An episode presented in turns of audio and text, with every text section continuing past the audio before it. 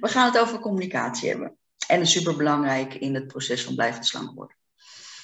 Um, ja, laten we dat maar gaan doen. Um, allereerst is het belangrijk, ik heb toevallig, of toevallig, ik had gisteren een, uh, een coachsessie met een echtpaar in een relatiecoaching. En um, dan gaat het zo, iemand, een, hè, de man die zegt wat en de vrouw reageert met ja, maar jij doet dit. Iedereen herkent dat wel, hè? Je bent geïrriteerd, je bent gefrustreerd, dat wordt verhoogd door stressfactoren. En ik geef heel duidelijk aan tijdens het gesprek, luister, iemand mag wat zeggen, dan moet je je mond houden, je moet er niet op jamaren. Hè? Dat is altijd heel erg lastig. Hè? Dat kennen wij natuurlijk ook gewoon vanuit leefstijl. Als je, um, uh, als je zegt van ik, wil, uh, ik ga uit eten en ik ga, heb voorgenomen om goede keuzes te maken. Uh, en ik vraag vervolgens, nou wat heb je dan gegeten? Ja, ik heb toch te veel wijn gedronken. En dan vraag ik nou hoe komt dat dan? Of dan zeg je, en dan ga je eigenlijk al zelf vergoeilijken. Ja, maar dat kwam op dat. Weet je wel? Ja, maar ik had die vriendin al zo lang niet gezien. Ja, maar ik mag toch ook wel een keer genieten. Ja, maar snap je wel? Dus eigenlijk gebeurt er dan eigenlijk, nou ja, constant. En als we gaan verdedigen, want dat is eigenlijk wat je doet natuurlijk, verdedigingsmechanismes.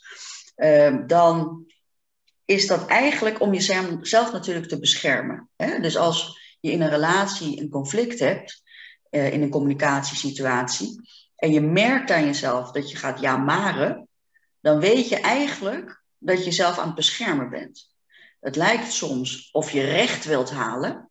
Zo'n gevoel heb jij vaak zelf. Hè? Van, ik zeg dat ja, maar je moet wel weten hoe het echt zit, weet je wel. Ja, maar ja, ik reageer zo omdat jij zo doet. Uh, maar eigenlijk slaat dat nergens op. Het heeft alles te maken met verdedigingsmechanismes.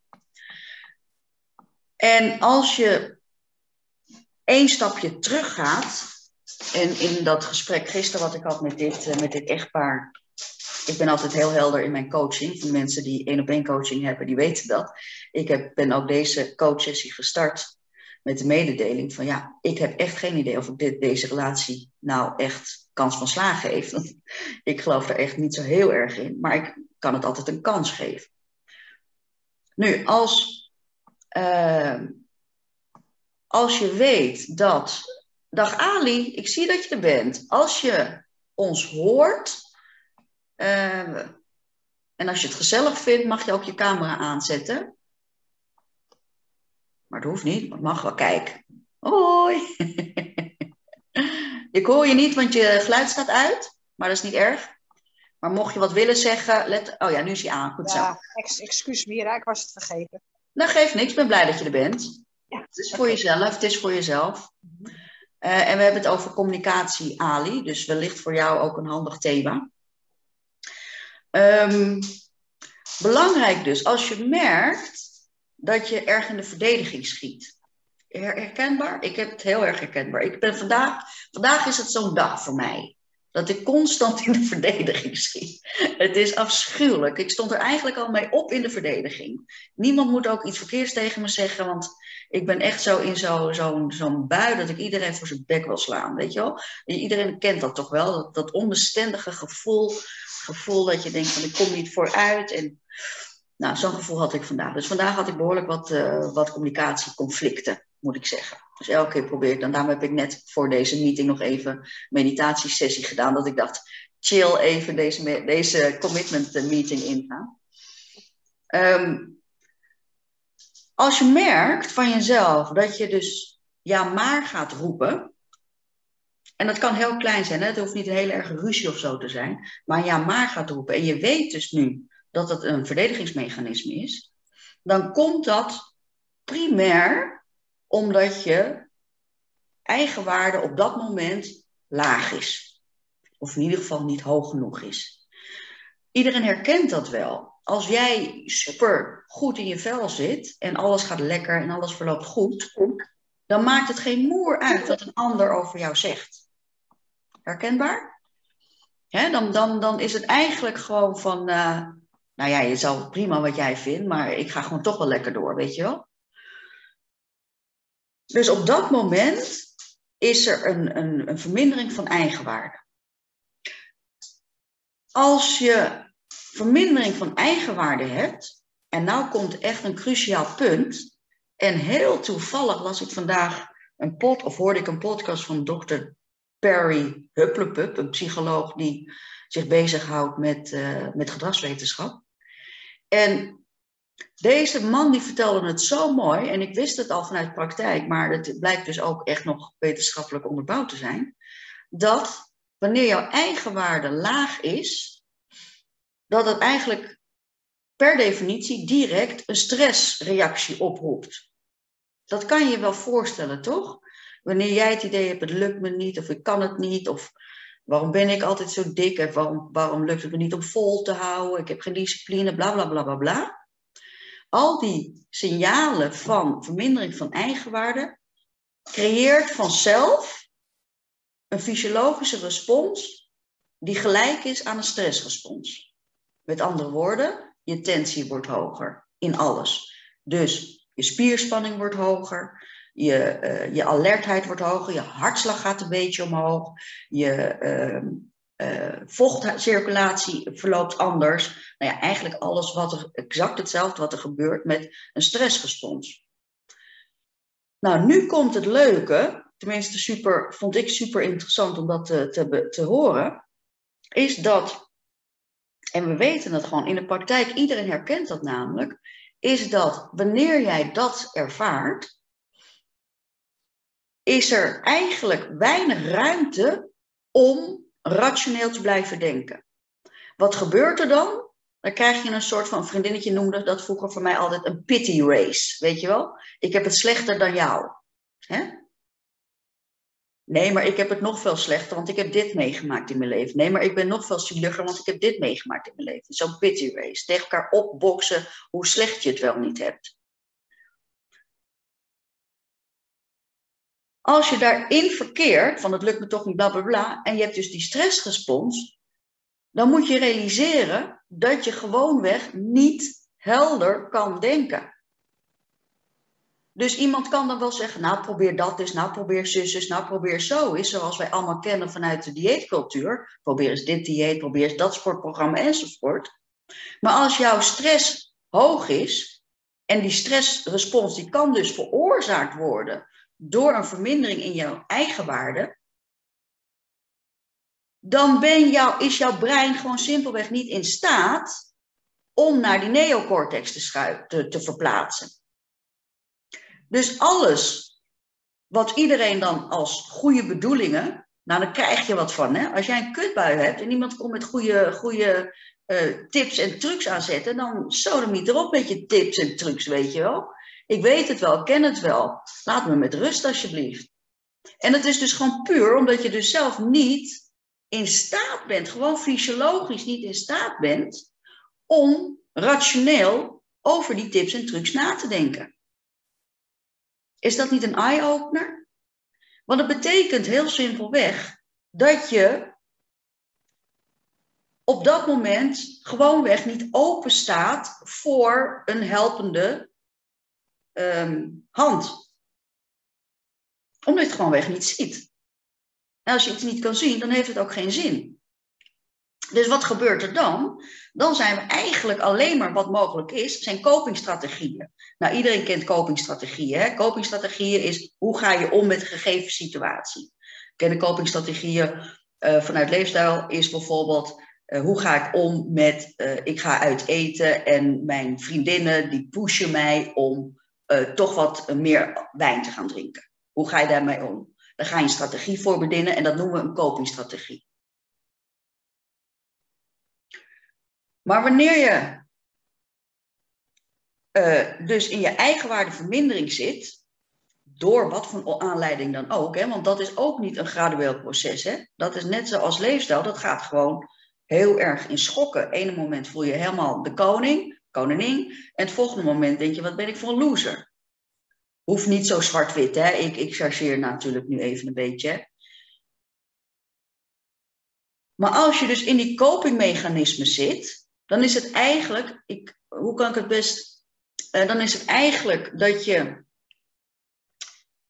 nou laat ik het zo zeggen. Als je in het water komt, gewoon in een plas, en je leert heel snel zwemmen, dat is een copingmechanisme. Je leert om te gaan met de situatie dat je in het water ligt. Dat is een copingmechanisme. Helder, jongens?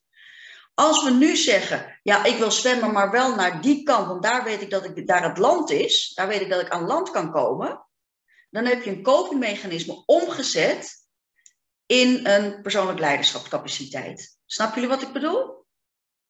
Dus een copingmechanisme, daar starten we altijd. We starten altijd met hoe gaan we om met situaties? Hoe kunnen we het beste overleven in de gegeven situatie? Met andere woorden, als ik in het water flikker, wat moet ik leren? Ik moet leren zwemmen. Maar als ik ergens wil bereiken, moet ik vanuit dat zwemmen ergens naar een ander punt toe komen om daar op wal te kunnen komen. En dan is dus een copingmechanisme veranderd tot een ja, healing system of hoe je het noemen wilt, maar in ieder geval naar persoonlijk leiderschap, naar ontwikkeling, groei. Nou, terug naar de communicatie. Jij hebt, uh, staat rottig op je hebt het helemaal niet, uh, gaat het zoals je het hebben wil. Of het nou komt door Eva, wat ze zei van het komt volgende week wel, het komt volgende week wel, het komt volgende week wel. Of dat het komt doordat je partner naast je op de bank de zak chips opentrekt. Of wat voor reden dan ook.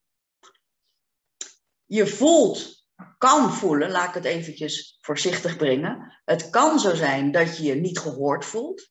Hè? In de zin van, je weet toch dat ik aan het diëten ben, waarom trek je die zak chips naast me open? Of die vriendin die maar blijft pushen, zoals we weten van Melanie van Meerlo. Je weet toch dat ik aan het dieet ben. Waarom kom je met hele pataarten aanzetten?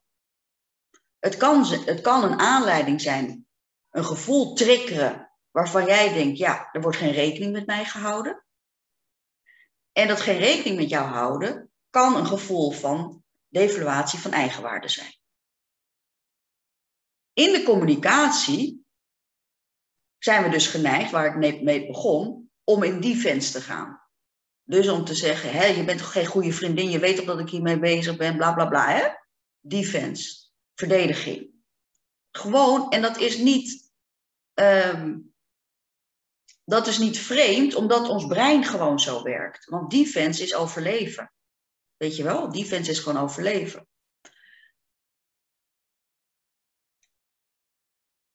Als we nou echt willen groeien vanuit communicatie, en jullie weten, communicatie is bij mij heilig om uh, persoonlijke leiderschap uh, uh, recht toe te doen, dan is eigenlijk de vraag aan jezelf, in dit geval, wat is er gebeurd? Heel eenvoudige vraag. Dus niet al een oproepen van een emotie, in dit geval devaluatie van eigenwaarde, doordat externe factoren, namelijk die partner die die zak chips naast je op de bank opentrekt, en, uh, en dus niet dan in de verdediging gaan, maar jezelf vragen: hé, hey, wat is er nou eigenlijk gebeurd? Wat is er nou eigenlijk gebeurd? Dat maakt namelijk dat je, wanneer je die vraag aan jezelf stelt, en misschien ook in de toekomst aan een ander, hè, want echt leiderschap gaat natuurlijk over dat jij ook anderen gaat beïnvloeden, maar als je dus vraagt, wat is er nou gebeurd? Ik zie een handje van Andrea. Je mag je geluid aanzetten. Wil je wat vragen, Andrea? Ja, want is, is, dat, is dat ABC, eh, wat jij ook wel eens zegt, heb ik van de week ingevuld. Is dat ook een manier om jezelf af te vragen wat er nou gebeurt? Op een andere manier. Dat is, ja, dat is zeker ook een, ja, ja, zo kan je het wel zien. Ja. ABC van cognitieve gedragstherapie gebruiken eigenlijk vooral natuurlijk om inzicht te krijgen. Dus dat is eigenlijk meer een fase daarvoor. Dus dat zit meer in de coping. ABC zit meer in de coping. Hoe kan ik met een bepaalde situatie overweg? Hoe leer ik? Coping is altijd leergedrag. Hoe leer ik met bepaalde situaties om te gaan? Oké. En dit gaat dus eigenlijk een stapje verder. Hè? Dus dat je vraagt van, omdat we weten dus dat gedrag vanuit emotie komt, dat je jezelf vraagt, wat is er nou gebeurd? Wat is er nou gebeurd dat ik me zo voel? Wat is er nou gebeurd dat ik me zo laat voelen? In plaats van, godverdorie, houdt weer geen rekening met me. Of zij houdt weer geen rekening met me. Snappen jullie het verschil?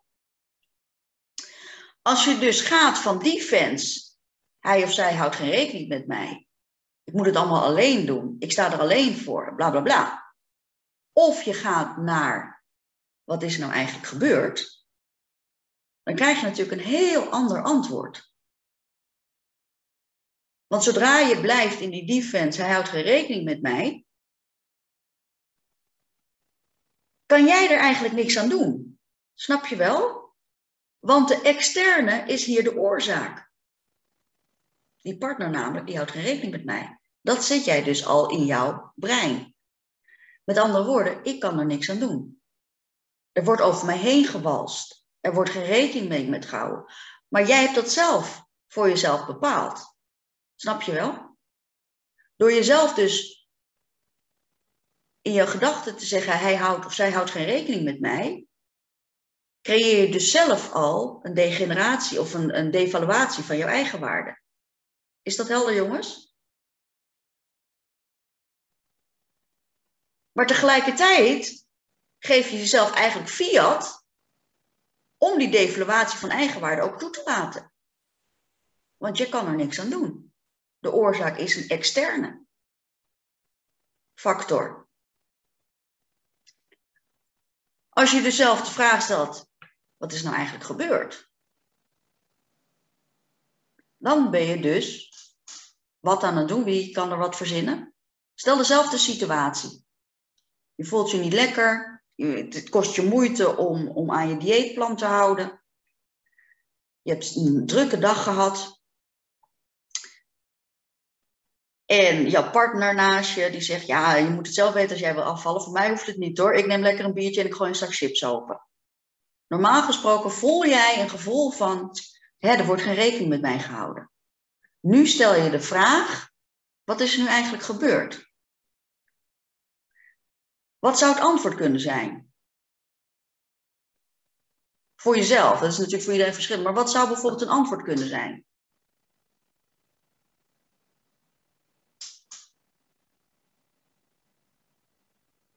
Kom op, dames. Nou, hij doet in ieder geval iets wat ik niet leuk vind. En als je nou, dan lig je, ja, dan lig je toch bij hem, Ja. hè? Dus als je het nou eens terugbrengt naar jezelf, wat is er nou eigenlijk met mij gebeurd? Nou, dan ben ik misschien op dat moment niet sterk genoeg om dan ook niet in die zak te duiken. Ja? Wat zou je dan tegen jezelf zeggen? En nou ja, dan moet ik resultaatgericht denken en niet in redenen denken.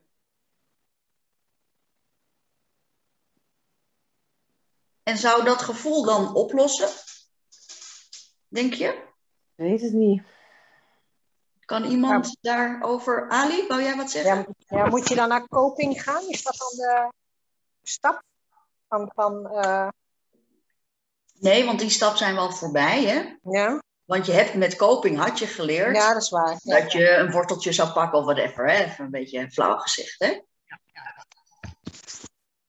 Eva, zou jij iets kunnen verzinnen?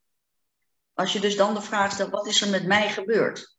Oh, ik heb eigenlijk eh, totaal geen moeite mee als mijn partner wel op de bank zit te vreten. Nee. zeg Maar daar kan ik echt heel goed van afblijven. En ik zie dat ook meer als mijn dingetje dan als dat het hele gezin daar Mhm. Is er een situatie voor jou te bedenken waarbij je normaal gesproken een soort van aangevallen voelt? Dat je in de verdediging schiet? Ehm,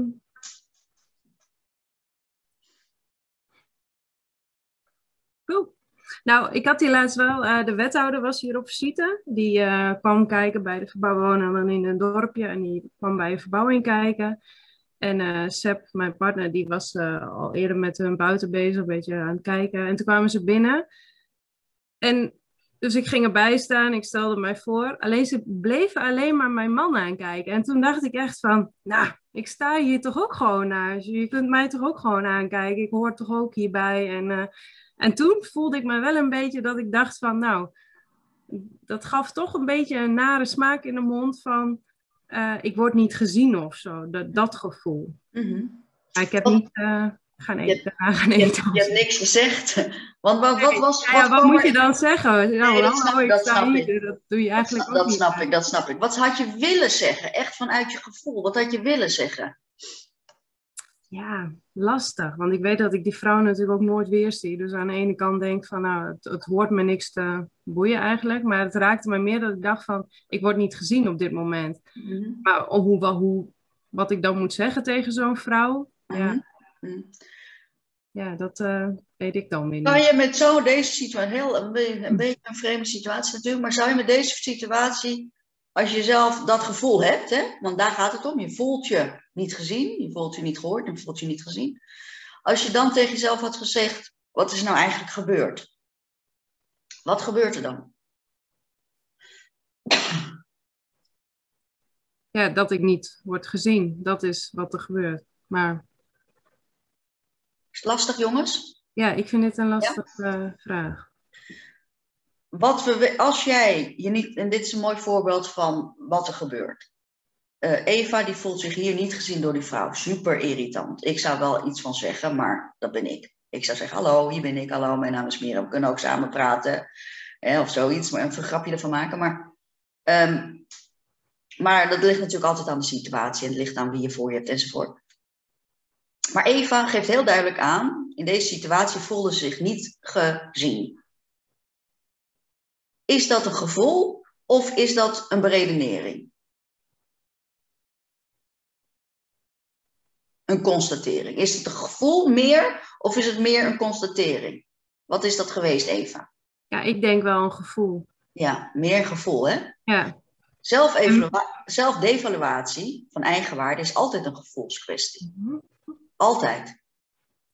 Als je niet gevoel, als je niet gezien wordt, als je het idee hebt dat je niet volhoudt, als je het idee hebt dat er geen rekening met je gehouden wordt. Ik zie dat heel dus veel wat we met, met filials, hè, met, met, bij bedrijven zie je dat heel veel, dat toch eh, mensen over elkaar heen lopen, elleboogjesgedrag, bla bla bla. Hè, je voelt je niet gezien, je voelt je niet gehoord. Dat is altijd, doet wat met je eigenwaarde. En het doet ook wat van, hé, ik wil gezien worden. En dat is een gevoel. Daar zijn we het wel over eens, toch, dames? Nou, wat je eigenlijk gewoon dus doet, door jezelf de vraag te stellen, wat is er nou eigenlijk gebeurd? Wat gebeurt hier eigenlijk? Dan trek je automatisch jouw brein uit je gevoel, die krokodil en dat paard, naar jouw neocortex. Want als je dus je vraag gaat stellen, wat is nou eigenlijk gebeurd? Dan ga je dus automatisch rationaliseren. Dan had je kunnen zeggen, nou, ik was buiten en ik, eh, ik kwam naar buiten en mijn man die was al bezig met die dame. Ik kwam toen naar binnen, ik zag dat zij geen aandacht voor me had. Ik voelde, je kan het benoemen, hè? metavisie is dat. Ik voelde mij niet gezien, maar het boeit me verder niks, want ik zie die vrouw toch nooit meer. Snap jullie dat? Als we dus in een conflict zitten in communicatie, of dat nou, en dan heb ik het helemaal niet of het nou in relatie met een ander is of met jezelf, hè? Want je hebt zelf dus ook heel vaak gewoon dat, die conflict in communicatie met jezelf, die interne, interne dialoog. Maar als je dus de vraag stelt, wat is nou eigenlijk gebeurd, dwing je jezelf om vanuit je emotie naar je neocortex te gaan. En dan is het opeens helemaal niet zo erg. Of dan denk je opeens, ja, het is, ik voelde me heel rot, maar ja, wat heb, wat heb ik eraan? Want dat wijf zie toch nooit meer. Of je denkt van, hé, hey, uh, mijn partner heeft het gewoon druk gehad en die wil gewoon zijn chippy eten. En uh, ik laat me gewoon verleiden door hem. Moet ik niet doen, want ik wil, zoals Andrea net, zei, ik wil focussen op mijn resultaat. Hey, die vriendin is wel afgevallen en ik niet. Ik voelde een soort van, ik moet mezelf verdedigen. Dat komt omdat ik drie keer uit eten ben geweest, bla bla bla. Wat is nou eigenlijk gebeurd? hey, mijn vriendin is afgevallen, leuk voor haar. En bij mij is het niet gelukt. En dat kan ik berekenen of beredeneren, want ik ben drie keer uit eten geweest. Ik heb ook niet zo op mijn porties gelet. Ik heb dat en dat er niet gedaan. En dan creëer je dus eigenlijk een, een open veld van mogelijkheden weer. Van acceptatie eigenlijk. En als je acceptatie gaat creëren, dan is er weer ruimte om jezelf weer wat leuker te vinden. Want er is ruimte namelijk voor die helpende hand. En zolang je in die emotie blijft zitten, is er gewoon geen ruimte voor die helpende hand, omdat jouw gedachten in die emotie blijven. En dus kan je lullen als brugman, hij komt niet aan.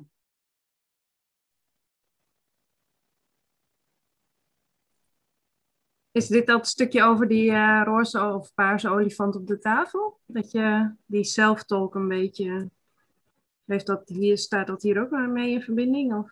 Moet je me eventjes de context even geven, Eva? Je had laatst een keer een podcast en uh, als jij zegt van nou, er zit daar een roze olifant op de tafel, dan zie je dus ook direct die roze olifant op tafel zitten. Dus als je zelf elke keer zegt van goh, ik ben te dik en uh, ik vind mezelf lelijk en weet ik veel. Ja, nou ja, dat, de, de roze olifant, dat is, e-, dat is echt een, een, een voorbeeld van focus. Hè? Dus uh, daar waar je aandacht naartoe gaat, dat groeit. Ongeacht of het nou positief of een negatieve zelftolk is of, of focuspunt is. Um, maar dat is eigenlijk, dat is meer het besef dat uh, dat, je in sta dat jij dat wat je gelooft eigenlijk zelf steeds uh, bekrachtigt. Mm -hmm. uh, dat is niet hetzelfde als dit. Wat je hier dus eigenlijk doet, is juist vanuit die emotie terugpakken naar de ratio. En in de ratio ligt het vermogen om anders over jezelf te gaan denken. Want die, we weten dat die sticker van het lukt me nooit om af te vallen, bijvoorbeeld, hè, die heb je mm. zelf opgeplakt door alle twintig diëten die je hebt geprobeerd, waarna je daarna weer bent aangekomen. En die sticker opgeslagen in jouw limbische brein, die is gekoppeld dus aan die emotie. Maar als jij dus in die emotie blijft hangen, het lukt me niet, bla bla bla, dan blijf je daar dus in hangen. Ja, maar als ik bijvoorbeeld um, ik kan, uh, zoals vanochtend kan ik opstaan en dan sta ik op en dan ben ik eigenlijk al moe, dat gevoel. Dan ga ik sporten en dat, maar ik blijf eigenlijk de hele dag een beetje dat... En dan kan ik, mijn dag. dat weer. Maar dan kan ik gaan terugberedeneren van, nou, hoe komt het dat ik moe ben? Want ik heb gewoon goed geslapen. En dan kom ik dus niet eigenlijk op een punt waardoor ik, waarom ik mij zo voel. En moet je dan juist. Er zijn twee dingen. Kijk, dat is, wel een goede, dat is wel een goede vraag voor jou. Er zijn natuurlijk twee dingen. Kijk, je kan. Het gaat erom, op het moment het, waar, waar ik het nu over heb, hè, dus dat je de vraag stelt: wat is nou eigenlijk gebeurd? Gaat op het moment dat je een sticker plakt. Mhm. Dus als jij opstaat met vermoeidheid, bla bla bla, en je denkt: oh, ik, ik, uh, ik ben vermoeid en ik ga niks doen, wat ben ik toch een lui varken? Dat zeg ik namelijk dan tegen mezelf. Dan heb je een sticker geplakt, snap je wel? Ja. En dan is het juist de vraag. Maar als jij gewoon constateert dat je moe bent, dan is het ook een vorm van acceptatie. Dat is dan prima. Ja, maar hoe kom je daar dan uit? Dat, dat, uh... Of kom je daar niet uit? Als je het accepteert, is het, is het prima. Ja, maar dan is het er nog wel, denk Of niet? Die vermoeidheid. Ja. Dat je... Ja, maar kijk, die vermoeidheid, dat kan natuurlijk aan alles liggen. Hè? Dat kan, eh, kijk, als ik accepteer van het is gewoon, het is, het is vandaag een vermoeiende dag, ik heb vermoeidheid en je weet hoe het komt, je weet, misschien weet je niet hoe het komt, uh, maar je accepteert het, dan laat je het gewoon zijn, zonder dat je er een oordeel over hebt. Als je er een oordeel over hebt van ik ben vermoeid en daardoor kan ik nu niet dit en dat doen en daardoor kom ik achter op mijn werk en daardoor bla bla bla, dan ben je het alweer aan het oordelen. Hmm. Maar als er geen oordeel is, is het verder niet erg. Sterker, is het heel erg helend. Want dat betekent dat, dat, je, dat je je acceptatie van jezelf alleen maar toeneemt. Want je mag gewoon imperfect zijn, snap je wel? Ja. Het is gewoon super gezond om te erkennen dat je imperfect bent. Ja. dus er is een verschil van een constatering van een bepaald gevoel tot het moment dat je het labelt en dan is het fout. En dan, als je in die defense zit, want dat is of je nou uh, excuses noemt, hè, wat je in het begin zei, of dat je uh, redenen noemt, of dat je uh, iemand anders aanwijst als schuldige, of wat dan ook. Allemaal vormen van defense. allemaal vormen van, van stressrespons. Dan zijn er eigenlijk, eigenlijk maar twee opties. En ik denk, iedereen heeft dat gevoel, toch? Iedereen, ik ken niemand die helemaal 100% hyper piep, uh, jolig en blij en gezellig door het leven gaat. Ik, ik moet ze echt nog tegenkomen. En dat is gewoon super normaal. Het heeft met één ding te maken, namelijk gewoon met leven, weet je? Maar als je zo'n gevoel hebt, zijn er twee dingen die je kan doen. En dat is ofwel niks, ofwel in beweging komen. Dat zijn de enige twee opties. Als je letterlijk in beweging komt, dan ga je automatisch je energie verschuiven van je hoofd naar je lichaam. Dat is ook waarom sporten zo fijn is, of bewegen zo fijn is, of waarom uh, ik weet toen ik een hele erg heftige stressperiode had met scheiding van mijn, van mijn partner, nu weer, nu weer getrouwd natuurlijk, dezelfde partner. Dan weet ik nog heel goed dat ik zo niet met mijn emoties uh, onder controle kon krijgen, dat ik gewoon midden in de nacht, drie uur s'nachts, ging ik een rondje hardlopen. De enige mogelijkheid om uit het hoofd de energie naar mijn lichaam te laten komen. Hoeft niet hardlopen te zijn, kan ook gewoon wandelen zijn. Um, en de andere is stilte, bewuste stilte. Meditatie, yoga, weet ik veel, uh, bezinning, hoe je het noemen wilt. Dus dat zijn eigenlijk de enige twee opties voor alle stressresponsen.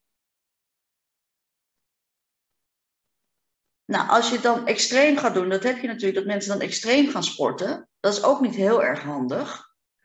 Want dan kan het weer een fysieke stressrespons gaan geven. Hè? Stress is niet altijd mentaal, stress kan ook fysiek zijn. Dus als je jezelf als een debiel gaat lopen sporten, dan heb je dikke kans dat je een stressrespons op fysiek niveau krijgt. Is ook niet handig. Dus je moet daar wel een soort van middenweg in gaan vinden dan. Maar bewegen en stilte, of een combinatie. Wandeling in het bos in je, in je, met je, in je alleen. Hè? En het, het ding is, waar ik mezelf dus echt tegenaan uh, zag lopen, is dat ik dacht, ik loop, ik loop ongeveer anderhalf uur per dag. Omdat ik een hond heb en omdat ik het gewoon heel erg fijn vind. En wat ik merkte is dat ik dus dit anderhalf uur dacht, ja, maar dat vind ik zonde van mijn tijd. Want ik ben wel heel erg, nou ja, weten jullie inmiddels, ik ben heel erg doelgericht aan het werk altijd. Vind ik zonde van mijn tijd. Weet je wat ik ga doen? Ik ga tegelijkertijd een podcast luisteren. Dat is dus niet de oplossing. Want dan ga je je hersenen vullen met andere dingen en, die gaan altijd ook gekoppeld met emoties worden. Dus als je dat wilt gebruiken, dat bewegen, doe dat dan zonder podcast. Doe dat dan echt om het bewegen zelf en niet om als tijdverdrijf of omdat het moet of wat dan ook. De vervolgstap, als jij dus hebt gezegd, wat is nou eigenlijk gebeurd? En je rationaliseert dat voor jezelf, kan je ben je automatisch uh, opener, toegankelijker uh, van, voor hulp van anderen. Dus dat hele idee, ik moet het allemaal alleen doen, bla bla bla, niemand ziet me, niemand helpt me, bla bla bla. Echt iets typisch vrouwen is dat trouwens. We moeten ook heel veel alleen doen, hè? Zo is gewoon nog wel steeds gewoon, laten we eerlijk zijn, de cultuur is gewoon nog steeds dat de vrouwen het meeste huishouden doen, dat de vrouwen de zorg van de kinderen hebben enzovoort. Hè? En tegelijkertijd wil je ook gewoon een leuke baan hebben. Dus er is ook gewoon wel heel erg cultuur. Je moet ook gewoon kijken naar de realiteit daarin. Maar het moment dat je dus uit de emotie naar je rationele vermogen gaat, gaat, naartoe gaat, heb je, uh, ben je in staat ook om hulp van anderen te ontvangen. Daar waar je normaal de kast dichtgooide, de deur dichtgooide. Helder, jongens?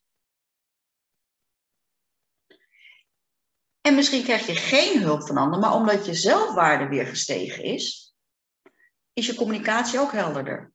Dus dan kan je misschien tegen die partner zeggen, die op jouw bank chips zit te eten, goh schat, ik wil jou natuurlijk niet jouw chips ontnemen, maar misschien kan je gewoon een bakje nemen. Of zo, weet je wel? Of kunnen we kijken of we daar afspraken over kunnen maken? Of zou het een idee zijn dat we daar um, ja, een soort van ja, afspraak over maken, wat wel en niet enzovoort? Of wacht even tot ik naar bed ben. Ja, ja dat kan ook. Dus samenvattend, belangrijk om te weten dat wanneer jij merkt dat je in de jamaars schiet, de jamaars schiet, is dat eigenlijk een teken van defense. Defense is eigenlijk altijd in meer of mindere mate een devaluatie van jouw eigen waarde. De devaluatie van jouw eigen waarde geeft een stressrespons. En wanneer die maar aanwakkert, doordat je jezelf in je reinforcement van die roze olifant, Eva, dat blijft herhalen. Dus je blijft je mond houden tegen je partner, je blijft denken van ben ik zielig, je blijft denken van waarom lukt het niet enzovoort. Dan ben je gewoon niet in staat om oplossingsgericht te gaan denken.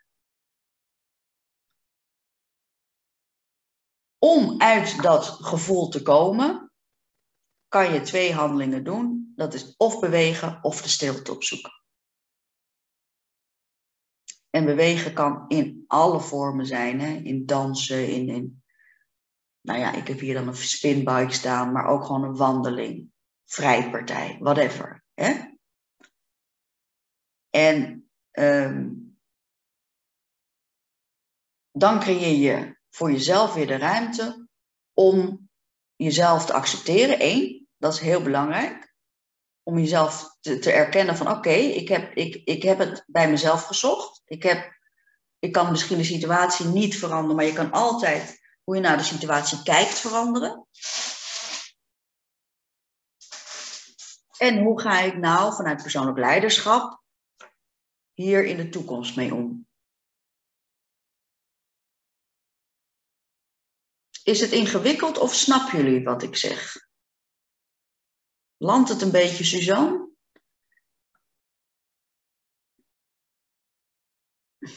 Nee, het landt heel goed. Uh, uh, ja, eigenlijk als je last hebt van je uh, emoties, moet je eigenlijk proberen dus naar, het, naar je stuk te gaan. Ja, naar de rationalisering ervan, ja. Dat is eigenlijk heel logisch, maar ja mens zelf is dat heel moeilijk. Ja, dat, tuurlijk, het is een constant gewaarzijn. Hè? Dat is ook waarom we altijd zeggen, persoonlijk leiderschap houdt nooit op. Het is een continu proces waarin je steeds beter wordt. Nou, ik ben er inmiddels zo'n tien jaar, ruim tien jaar mee bezig. En ik heb zoals vandaag dat ik denk van jeetje Christus, al die opleidingen die ik heb gedaan, al die praktijkuren die ik heb gevolgd, al die mensen die ik heb gecoacht. Ik heb vandaag echt zo'n dag dat je denkt, nou ja, hoe kan dat nou? Weet je wel, dan is het mijn vak. Dus het is super logisch dat jij nu zegt, Suzanne, uh, hè, pas het nou ook maar eens toe in de praktijk. Ja, nou, kijk, dan... dan kan ik terugkijken, maar op, ja, op het moment zelf niet. Klopt, klopt. En dat is waar Eva, of ik weet niet waar André het net over had, hè, dat is wel dat je een ABC kan doen. Komt voor jou later wellicht nog aan bod. Waarbij je de situaties gaat analyseren dus die copingmechanismes eigenlijk gaat aanleren. En vervolgens ga je die herkennen. Het is een soort van patroonherkenning wat je doet. En soms, kijk, soms, kijk, bijvoorbeeld als ik mezelf als voorbeeld neem. Ik stond vanmorgen echt, echt rottig op.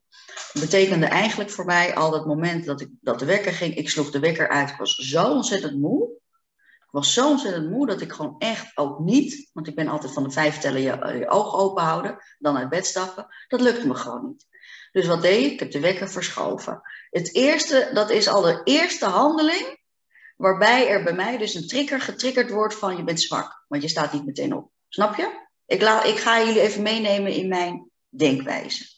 Vervolgens uh, gaat de wekker. Ik denk van, nou, zal ik dan toch maar vast toch nog even eh, eh, een half uur met de, de hond gaan lopen. Toen dacht ik, ja, maar dan moet ik me zo haasten, want mijn eerste coachcall was om negen uur. Dus ik denk, nou, dan moet ik zo haasten. Nou, laat ik dat dan maar niet doen. Dan kan ik beter even rustig opstarten, een kopje koffie nemen, bla bla bla. In de gedachte van, gun jezelf de rust en de ontspanning om rustig op te starten. Het moment dat ik mijn koffie pakte en ging zitten aan de keukentafel, dacht ik, zonde van de tijd. Zonde van de tijd. Weer een stukje devaluatie van zelf. Ja? Vervolgens had ik afspraken, afspraken, afspraken, afspraken, afspraken. Tot uh, half twee had ik een lunchafspraak met een vriendin. Die kwam te laat. Die kwam te laat. En die vriendin die spreek ik echt maar één keer in het jaar of zo. Die kwam te laat. Devaluatie van mezelf. Ze houdt geen rekening met mij. Ze weet hoe druk ik ben. Ze komt gewoon te laat. Ja? Weer een stukje devaluatie van zelf. Vervolgens kom ik thuis en moest ik coachcalls uitwerken. Ik moest nog wat dingen, uh, dingen gaan doen. Ik moest, een website wilde ik aanpakken, die dagen wilde ik aanpakken. En ik zei tegen Ad, eh, tegen mijn man is dat, ik zei, ik ga stoppen met werk om vijf uur, want ik wil per se eh, bewegen en eh, eh, mediteren voor het, voor het eten. Vervolgens ben ik aan het werk. Het is vijf uur. Ik denk, ik moet die website even, of ik moet die vijfdaagse tekst even afmaken. Het is half zes. Ik denk, eh, ik ga maar gewoon even lopen. Laat het mediteren maar zitten. Ik ga lopen met mijn hond. Ik denk, laat ik gewoon lopen om het lopen. Maar wat doe ik? Suf als ik ben. Ik denk, nou, laat ik toch maar even een podcast luisteren. Ik ga eten. Mijn man heeft gekookt voor, eh, voor me. Dus die maakt mijn bordje warm. En, en die zegt, eh, ga nou eten en even rust en bla bla bla. En ik zeg, nee, ik kan niet, want ik moet ook nog de was uit uit de wasmachine halen. Want ik heb morgen massages om negen uur. Dus mijn handdoeken die moeten droog en, en schoon zijn. En vervolgens eh, ben ik eh, hier beneden bezig. Ik kom weer, dus na het eten kom ik weer naar beneden. En ik denk, shit. Ik heb dat niet gedaan. Ik heb geen tijd genomen. Ik heb eh, mijn dingen niet gedaan. Ik voel me schuldig dat ik nog niet dat half uur heb gemediteerd. Mijn man die heeft al drie keer gezegd, laat het mediteren zitten. Morgen weer een dag, ga je morgen wat langer mediteren, bla bla bla. Maar ik weet gewoon echt, om uit die emotie te komen, moet ik mediteren. Dus ofwel bewegen, ofwel de stilte zoeken. Dus ik moet mediteren. En ik kan je eerlijk zeggen, jongens, het was dus half acht dat ik klaar was met mijn werk. En ik heb van half acht tot tien voor acht heb ik gemediteerd. En pas nu, om tien voor acht, voel ik weer dat mijn zelfwaarde weer normaal is. Dus even als voorbeeld, Suzanne, dat het hele kleine, soms hele kleine details zijn die een stapeling creëren van die devaluatie van zelfwaarde. En ik ben mij super bewust van alle copingstrategieën. Hè, dat lopen, dat rust nemen, bla bla bla. Uh, mijn agenda anders indelen, enzovoort, enzovoort. En ik ben er bijna 15 jaar mee bezig, Suzanne, heel bewust. En ik ken alle theorieën, alle methodieken. Maar het gebeurt. Weet je, het gebeurt. Het is gewoon, het gebeurt. Waarom gebeurt het? Ja, omdat, het, omdat we leven. Punt. En het ding is, en dat vind ik wel belangrijk om te, om te zeggen. Het belangrijkste om te realiseren is niet dat het uh, een traumatisch iets is met een hoofdletter T, weet je wel? Sommige mensen, ja, ik ben vroeger gepest of ik ben dat of zus of zo, daarom heb ik geen zelfwaarde. Dat is het helemaal niet. Het is veel vaker, juist in die kleine dingen, zoals ik mijn dag zo net, al zo, zo net beschreef. Het zijn veel vaker juist die dagelijkse dingetjes waarbij je iets over jezelf denkt, zegt of voelt, die dat proces ofwel stand houden ofwel bevorderen. En natuurlijk weet je, ja, als ik meteen was opgestaan, meteen had gemeten, was mijn dag, was dag 100% anders verlopen. Maar soms gaat het niet. En dat is belangrijk om te beseffen, want wij zijn ook nog eens, of wij, laat ik even algemeniseren, misschien hoeft het helemaal niet voor jou te betekenen, uh, te, te, zo te zijn, dat hoop ik voor je. Maar in het algemeen zijn vrouwen toch wel zo van, uh, ik moet het allemaal zelf doen. Het draait om mij, het huishouden draait om mij. Het, uh, ik, ik, ben de speel in het huishouden, ik ben het speel, ik ben het eikpunt voor mijn kind, ik ben weet ik van wat allemaal.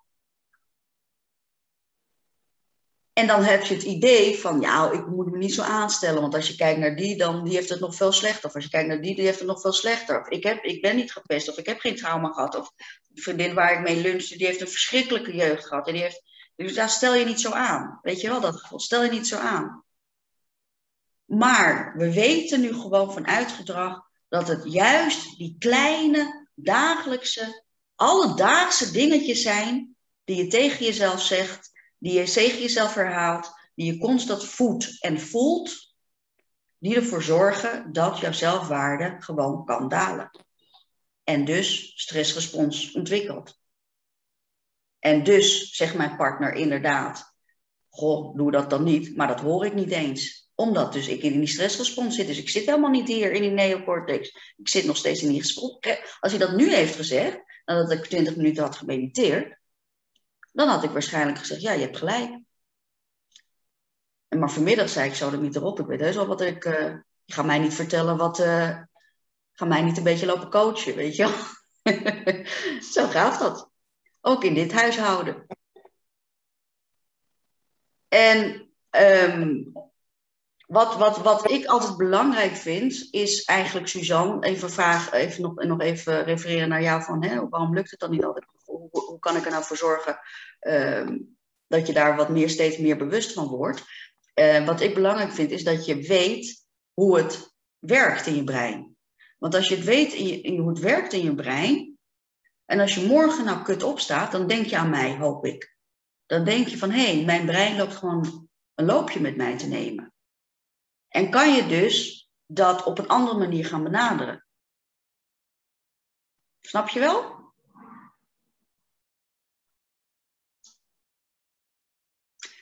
Vragen?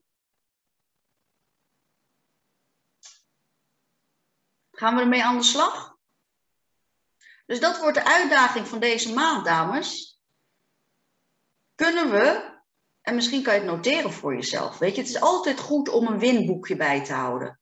Met andere woorden, noteer voor jezelf: hé, hey, ik heb het toegepast, die en die datum, met die en die gebeurtenis. En dat en dat was de reactie.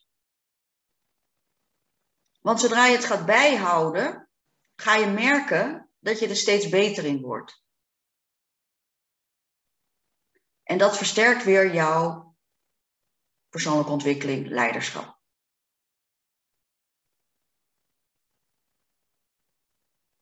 Uitdaging, wat is er nou eigenlijk gebeurd? Die vraag te stellen bij situaties waarbij je eigenlijk wilt zeggen ja maar. En nu je erop gaat letten, zal je merken dat je enorm vaak zegt ja maar. Het is echt schrikken. Het is echt schrikken. Helder? Is het nog leuk? Jullie kijken een beetje suf. Is het nog leuk, jongens? Jawel, Wat zeg je, André? Het kwartje is wel echt gevallen. Dat ik denk, oh ja, ja, ja. Bij bepaalde situaties. Dus we, we gaan ermee aan de slag. Supergoed. Ja. Dat is het enige wat je kan doen. Verwacht niet dat je het allemaal in één keer kan. Wat ik zeg, 15 jaar is het nog steeds niet 100%. Maar je wordt er wel echt oefenen, oefenen, oefenen, oefenen. Oefenen is de enige manier om jezelf iets eigen te maken. En um, dat is met alles zo. Dat is met spiertraining zo. Dat is met leren piano spelen zo. Dat is met een nieuwe taal leren zo. En dat is ook met leefstijl en persoonlijke ontwikkeling zo. Oefenen, oefenen, oefenen. Alrighty? Zet hem op, dames. Tot de volgende meeting. Doeg!